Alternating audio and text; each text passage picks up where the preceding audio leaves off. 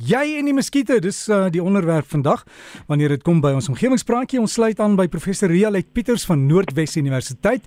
Rialet, goeiemôre. Die muskiete buite al of nog nie?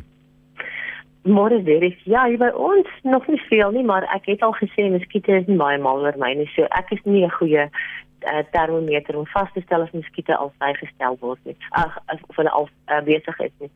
Die Wêreldgesondheidsorganisasie het 'n tweede enstof om kinders teen malaria te beskerm op 2 Oktober van hierdie jaar goedgekeur. Hierdie enstof staan as R21 bekend. Is makliker om te vervaardig as die eerste een, RTSS, en werk goedkoper per dosis uit. Meeste van die inligting in vandag se praatjie kom van nuusberigte wat aanlyn in die wetenskapjoernaal Nature in 2021, 22 en op 3 Oktober van hierdie jaar verskyn het. Die nuwe enstof was so 75% effektief teen malaria in 'n toetsloopie wat op 4800 kinders in Burkina Faso getoets is. Elkeen het 3 dosisse hiervan ontvang voor die seisonale piektyd van malaria. 'n Versterker dosis 12 maande later sal die beskerming teen malaria handhaaf. Die middel is reeds goedgekeur vir gebruik in Burkina Faso, Ghana en Nigerië en behoort middel volgende jaar reeds beskikbaar te wees teen so 2 tot 4 Amerikaanse dollar per dosis.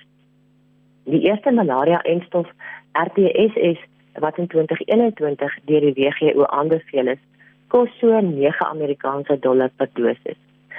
Die nuwe middel R21 is goedkoper as gevolg van die goedkoper adjuvant wat dit bevat. Nou adjuvante is sogenaamde bymiddels en word by die enstof ingesluit om die immuunrespons wat in die pasiënt uitgelok word deur die antigeen te versterk. Die RTS-enstof wat verkoop word onder die handelsnaam Mosquirix en deur 'n Londense farmaseutiese maatskappy GlaxoSmithKline vervaardig word is reeds aan 1.7 miljoen kinders in Ghana, Kenia en Malawi toegedien sedert die toetslopies in 2019. Malaria veroorsaak jaarliks die dood van so 260 000 kinders jonger as 5 jaar en hulle is meestal van Afrika. R21 is 'n gemodifiseerde weergawe van die eerste enstof en is deur die Universiteit van Oxford ontwikkel. Dit sal in groot maat deur die Serum Instituut van Indië in Pune vervaardig word. Hierdie instituut het die kapasiteit om meer as 100 miljoen dosisse per jaar te vervaardig. Beide enstowwe bevat die in aanhalingstekens geraamte van die hepatitis B virus oppervlak antigeen en die malaria antigeen van een van die malaria parasiet spesies Plasmodium falciparum. Op 6 September verlede jaar is die eerste enstof RTSS deur die WHO aanvaar en is dit toe reeds op 800 000 kinders in Ghana, Kenia en Malawi getoets. Vir enige van die enstowwe om besonder effektief te wees, moet dit toegedien word kort voor die malaria seisoen aanbreek sodat daar nog genoeg teenliggame daarteen teenwoordig kan wees in die liggaam teen die tyd dat die muskiet die kind byt. In lande waar mense heel jaar malaria kan opdoen, is die enstof nie so effektief nie want mens weet nie wanneer die muskiet die pasiënt gaan byt nie. Daar kan heel wat tyd verloop voordat infeksie uiteindelik plaasvind. Daar is omtrent 100 jaar gewerk aan enstofontwikkeling teen malaria teenoor die COVID-19 enstowwe wat net binne 'n jaar ontwikkel is. En een van die redes hiervoor is die gebrek aan investering vir die ontwikkeling van die malaria enstof omdat dit hoofsaaklik voorkom in lae en middelinkomste lande en die ander rede lê in die komplekse lewensiklus van die malaria parasiet self.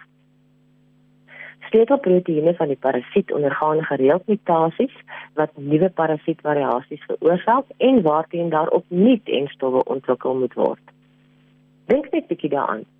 Immuunrespons is daarop gebaseer dat die liggaam vreemde stowwe, ons noem hulle antigene, as sodanig erken en dan op verskeie maniere probeer om van die vreemde molekules ontslae te raak.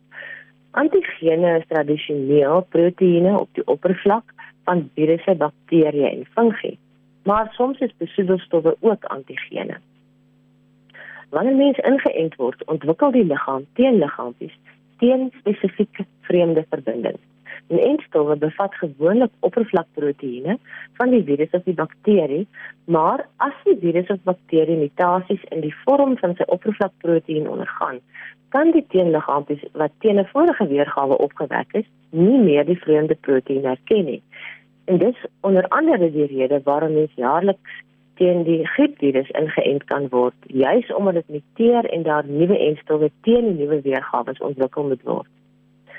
In die geval van inwendige parasiete, soos malaria parasiete, moet mens onthou dat daar verskeie spesies is en daarom moet daar gesoek word na oppervlakproteïen wat soortgelyk is vir al die plasmodium spesies.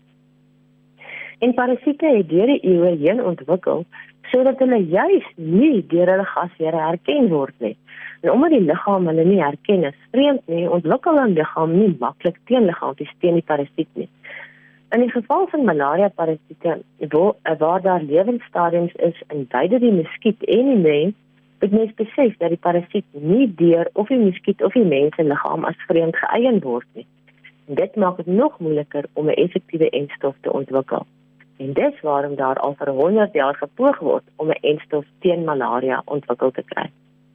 Beide die RTSS en die R21 weergawe van die malaria enstof teiken die malaria parasiet in die sporozoïed stadium.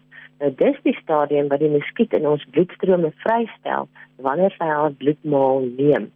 Die enstowwe sluit 'n proteïen in wat deur die sporozoïede vrygestel word in die hoop dat dit wel die mens se liggaam sal stimuleer om teenliggaampies teen die malaria proteïen te vervaardig en gereed sal wees om wanneer die heel parasiet die liggaam binnekom, die parasiet as vreemd sal erken en reeds teenliggame daarteen sal hê. Enstof R21 bevat groter konsentrasies van hierdie proteïen as RTSS. Stappe om die enstof te verbeter behels dat meer as net hierdie een proteïen van die parasiet ingesluit word proteïene wat deur ander lewensstadiums wat ook in die mens voorkom uitgedruk word, behoort ingesluit te word. Nog ander planne is om van verswakte vorms van die heel parasiet in die enstof te gebruik in plaas van geselekteerde proteïene. Maar dit beteken dat mens groot hoeveelhede muskiete waarin die sporozoïte ontwikkel, aangehou moet word en dit moet alles in aseptiese toestande gedoen word. Dit is makliker om so iets vir virusse en bakterieë te doen en is die entstowwe teen masels, pompoentjies en waterpokkies so ontwikkel. Plasmodium is 'n heel organisme en al is dit net 'n eensellige organisme, is dit steeds meer kompleks as virusse en bakterieë. En ek het op omgewingspraatjies se Facebook-bladsy so 'n kort verduideliking van die lewensloop van malaria parasiete geplaas. Gaan lees 'n bietjie. Rialet baie dankie en goeie naweek vir jou en dankie vir al die navorsing oor die muskiete en die die effekte daarvan hè. Ja, sterkte daai kan direk goed gaan. Goed gaan baie dankie dit aan professor Rialet Pieters van Noordwes Universiteit met die omgewingspraatjie. Hulle het ook 'n Facebook bladsy omgewingspraatjie. Jy kan daar al die inligting gaan kry en as jy wil kontak maak, uh, stuur maar net vir my dbrsg.co.za 'n e-pos, dan kan ek dit aanstuur vir die professor. Dalk 'n onderwerp of iets wat ons kan navors.